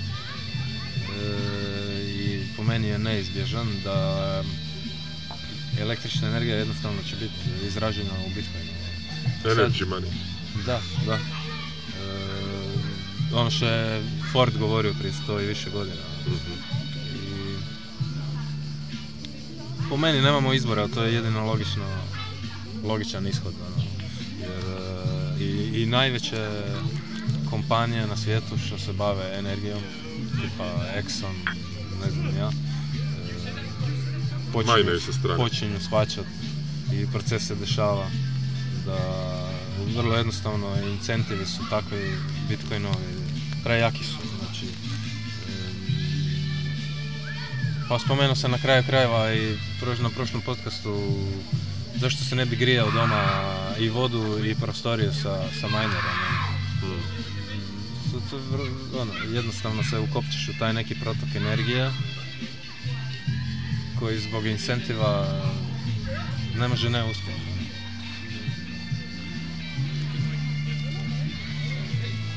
Reci mi. sorry. Ne, ne, okay. E, jednu stvar sam se sjetio, sorry. Ehm, ono za podizanje kredita za kupiti Bitcoin. Aha. Vidio sam nedavno, lik baš taj eksperiment napravio. Dignuo je kredit i sada ono, te anuitete, znači sa kreditom je kupio Bitcoin i anuit, radi to kao eksperiment i full javno sve dokumentira.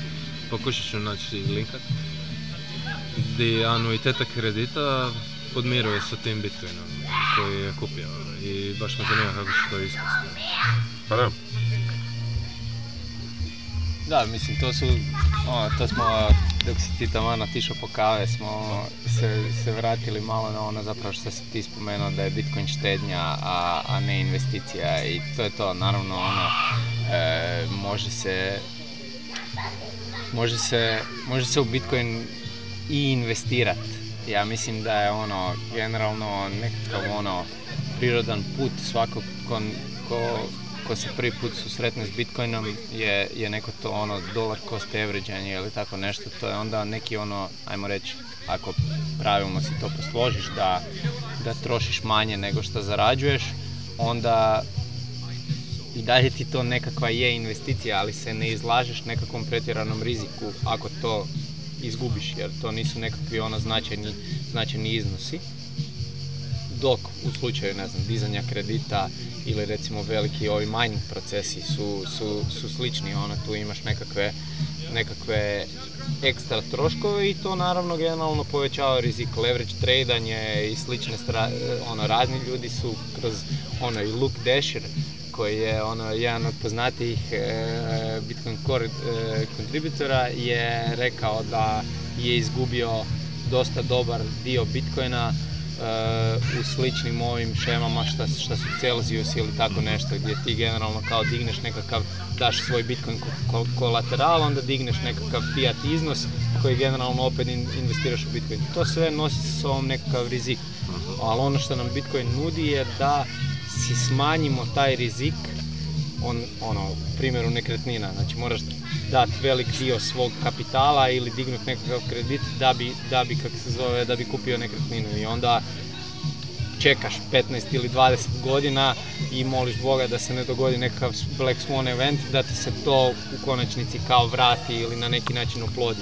Dok kod Bitcoina imamo ono, prirodnu štednju, gdje iz raznih tih incentiva koje smo pričali, ono, energetskih i sve, sve to, stvar funkcionira kako funkcionira i u principu ako se postaviš da ti je jedini cilj nekakav ono očuvanje tog nekog purchasing powera, ono, manje više ćeš to dobiti. Što sad, sad ti, sad problem je šta velik broj ljudi kad uđe malo u Bitcoin rabbit to se i meni dogodilo recimo 2017. Misliš isto se gotovo je ono, sad će otići do 100 milijuna odmah, e, moram kupiti što, što više, onda mm skuži zapravo neko nekog vremena da je to ono nekakav ono prirodni proces koji će se dogoditi kad tada, ali velika, velika većina ljudi tu ono onda se počne over leverageati ili tako nešto i na kraju ostane bez svih bitcoina i onda priča o tome kako je bitcoin scam ili mhm. tako nešto, tako da ono. Da, da. Krivo opet procjenjivanje EV-a i iracionalne akcije vode do toga. Da.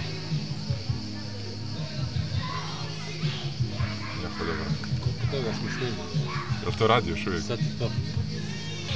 Ne znam, ja nekako nisam zadovoljan s ovom epizodom. morat, ćemo, morat ponoviti ovoga, ovo je onako po meni neka pre, prekompleksna tema da se, da se da, da imamo, mislim ok imati ovako ono free flow neki razgovor, ali mislim da, da, da se ovoga, Mislim da smo, da, smo... se trebali malo bolje pripremiti.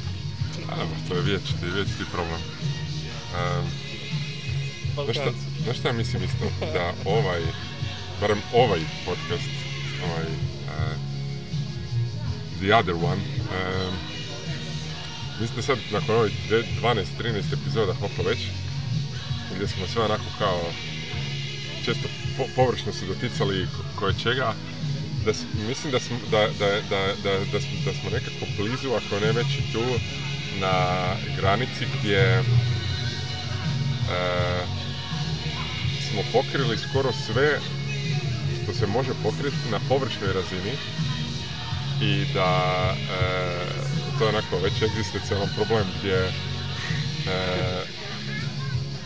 naravno rabbit holovi i te, tema tu se može tisuće sati pričati, ali smo na točici gdje to onda valja ili promijeniti malo format ili ići hiper u strukturirano u nešto gdje ono se doslovno priča o ono, game theory, ali baš lijepo ono, dva sata pokriti sve osnovne koncepte, što onda zahtijeva M našu skromnost, jer o stvarima puno i ne znamo i onda treba i to i naučiti, možda zvati ljude koji imaju o tome priče, tako da to što si komentirao je...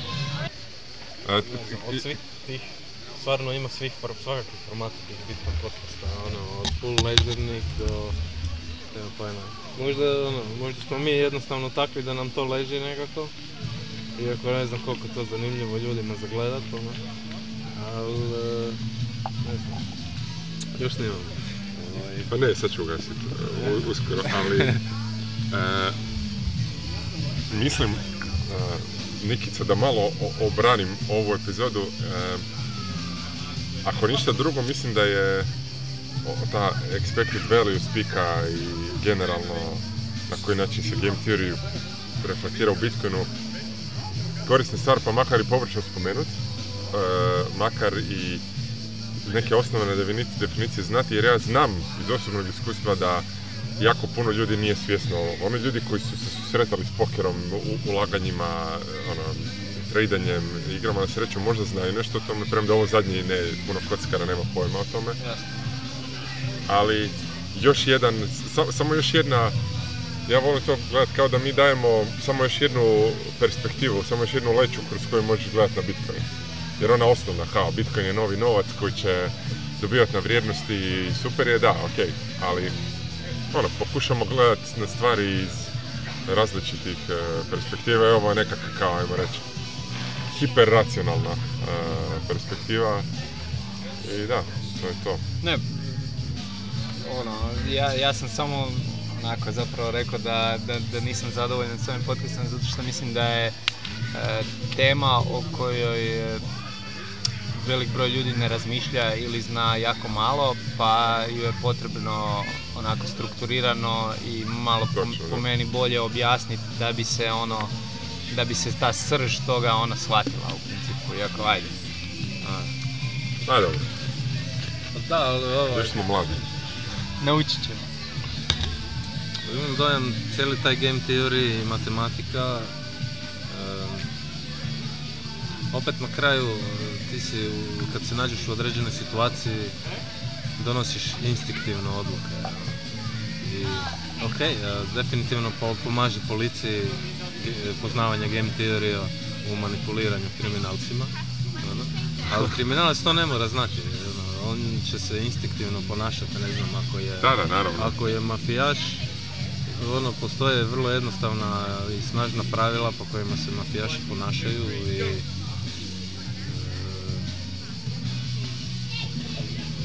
to je opet neki njihov game theory. Da, Mislim, mislim da, da, da game theory u načelu kao disciplina uzima u obzir savršeno racionalne agente koji ne postoje. Tako da nije, nije to ono 100% primjenjivo svaki, svaki koncept na, na nas ljude, ali je ono, ideje u Prisoner's Dilemma i onom u, u lovcima uvijek je ideja da su to savršeno racionalni agenti, ali bravo. to ne postoji. Bravo, to je, to je jedan bitan faktor koji smo zaboravili, a koji se zapravo tiče same definicije te teorije igara, da. se tu radi o savršeno racionalnim e, i, zapravo je to je nešto što u svim tim igrama treba prepoznati, jer ako ovaj protivnik tvoj, kad pričamo o ne, znam, tim Zero sam game-ovima, e, ako tvoj protivnik ne igra racionalnu strategiju, onda racionalna strategija u tvom slučaju često isto nije Točno. plus EV play, znači moraš poznat, jer to je ono recimo... Ono counterfactual. Tako je, da, tako, jer, jer eh, ono, na primjer, ne znam, u ovom eh, vidu gdje si rekao ono poker, ne znam, kad igraš poker sa nekim ko, ga zna igrati i ko ga ne zna igrati. Na primjer, sad uzmimo u slučaju da Netko ko zna igrat poker igra protiv ne, neznalice ili neko ko je na njegove razini isto, da. Potpuno, potpuno će se, od, e, će se situacija odviti i najčešće će se dogoditi zapravo situacija gdje ako igraš savršeno game theory optimal strategiju protiv netko ko ne zna, da, će ti to zapravo biti lošija strategija nego, nego ne i tako, tako da to su sve zapravo ono teoretske situacije kojih je zapravo bitno samo biti svjestan i, i na nekoj ono svojoj razini i primjenjivati, ono kao što smo rekli u svim aspektima života, iako smo ovdje se manje više zapravo fokusirali na ono na Bitcoin i na te neke investicije. Da, e, to to, biti svjestan ti, napraviti si mentalne modele i koristiti ih da.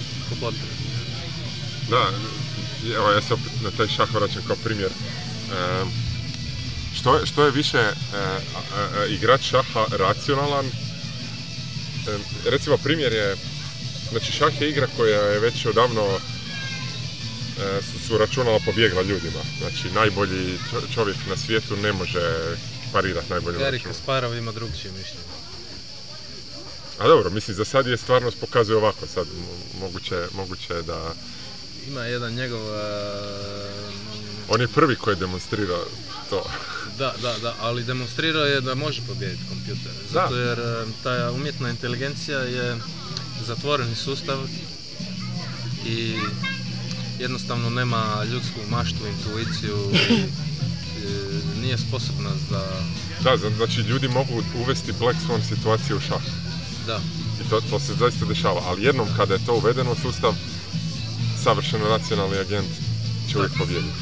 To je recimo primjer mislim da Google ima closed source najbolji eh, AI za šah. I situacija kada recimo taj AI igra sam protiv sebe, znači savršeno racionalno, će biti neriješeno 999.000 puta. Sa ljudima nije tako. Eh, to jest sa ljudima je bliže tome kada igraju klasični šah, znači sa puno vremena dostupno, tada je jako puno neriješenih partija. Kada se igra onaj rapidni šah, mm. gdje se, ne znam, eh, svako ima 10 ili 15 minuta na satu, puno je manje neriješenih partija, e, zato što se tu onda ulazi u taj kao mesines ljudskog iskustva i emocija i, onda će, ne znam, najbolji šahisti na svijetu igrati jako puno, e, jako dinamičnije, bit će puno nepredvidivih situacija, dok će umjetna inteligencija uvijek igrati neriješeno samo sa sobom. E, to je opet taj primjer kao u kod savršenog nacionalnih higijenata i to. To je, ne znam, isto to i ekonomiji, što Austrijanci su shvatili odavno, da tržište nemoguće mapirati savršeno, zato što e, e, bilo kakav pokušaj toga radi pre, e, prepostavlja da su akteri na tržištu savršeno racionalni agenti, a nisu. Da, znači, zato tržišta ponekad i reagiraju ne, iracionalno ili nepredvidivo ili izvan modela, zato što su ljudi i akteri koji sačinjavaju to tržište u agregatu iracionalni i emocionalni. Često se i reći da je, ne znam, tržište reagiralo emocionalno na nekakvu vijest ili na, na, nekakav događaj, što je zapravo samo ono, proksi izjava, nema tržište emocije, tržište je agregat, tržište kao nekakva super inteligencija kolektivna gdje ono, koja je zbroj svih tih e, individualnih. odluka koje su opet utjecane na... Koje ne mora biti racionalne. Tako, da. E, tako da ja opet, teorija igara nije savršeni prediktor e, ovih optimalne strategije kako treba poduzeti u tome, ali dobar framework za upoznat se, upoznat se sa idejom expected value i dozvoli da ona je samo još jedan ono, alat u, u, u setu alata koje svako od nas ima za odlučivanje u životu. Da. I e, to je to ono, nije, nije uvijek kao ono, follow your heart, niti follow your mind, nego dozvoli oboma da, da, da informiraju stvari. To je umjetnost.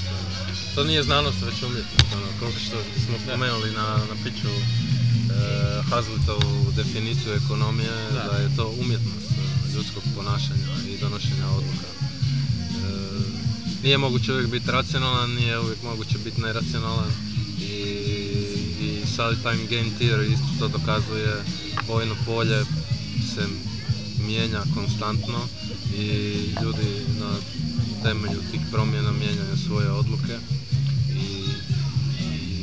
evo na primjer znači ako imaš umjetnu inteligenciju koja je savršeno racionalna to je na kraju krajeva protiv dobrog igrača njen minus jer tu racionalnost može iskoristiti protiv nje.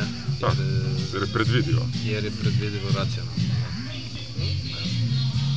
Da.